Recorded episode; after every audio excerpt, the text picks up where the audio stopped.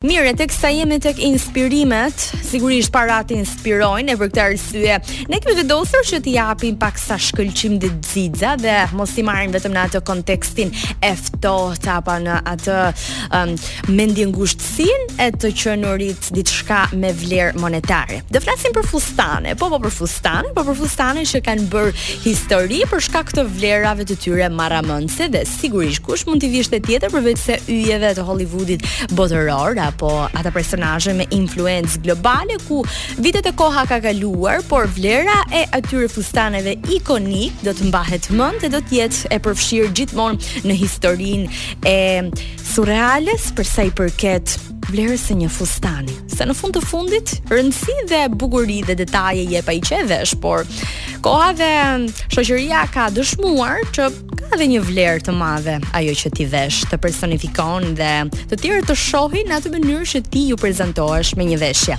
Paktën këto janë koncepte që shoqëria i ka pranuar tashmë. Flasim për ca fustane miliona dollarëshe të vipave botërorë, siç po thoja. Në Hollywood Beauty Awards të vitit 2007, Paris Hilton sigurisht nuk mund të mungonte një emër i tillë e bukurive marramendëse, ngjyrës rozë, trajtimeve mbretërore dhe princeshërore, nuk mund t'i mungonte kësaj liste me pesë emra që kanë veshur fustanet më të shtrenjtë.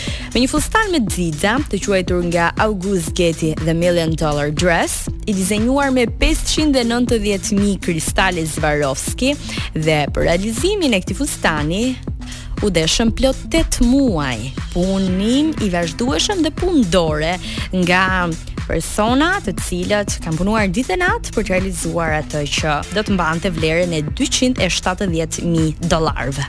Në vend të pestë kemi Audrey Hepburn.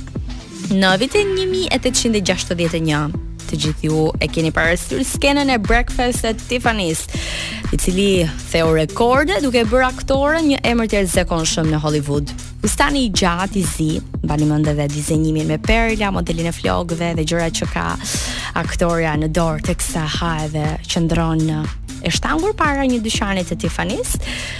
Kapi vlerën prej 807.000 dollarëve dhe është rreth 5 herë më shumë se sa vlera origjinale e tij. Edhe pas dekadave ai cilësohet si një prej fustaneve më të mirë dhe më të bukur të veshur ndonjëherë në një film.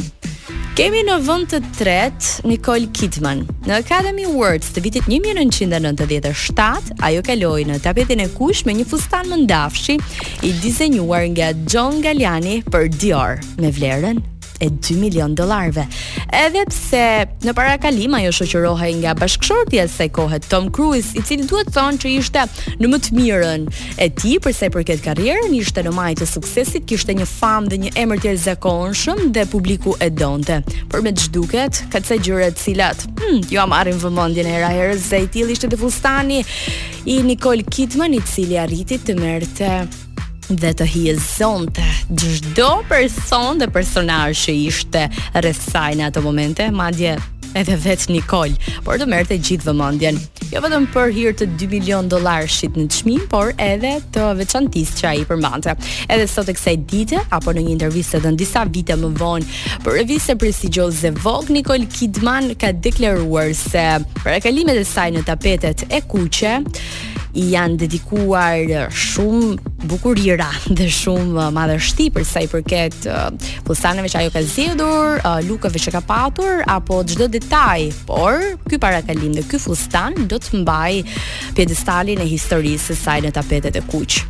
Në vend të dytë kemi Jennifer Lawrence në Academy Awards të vitit 2013.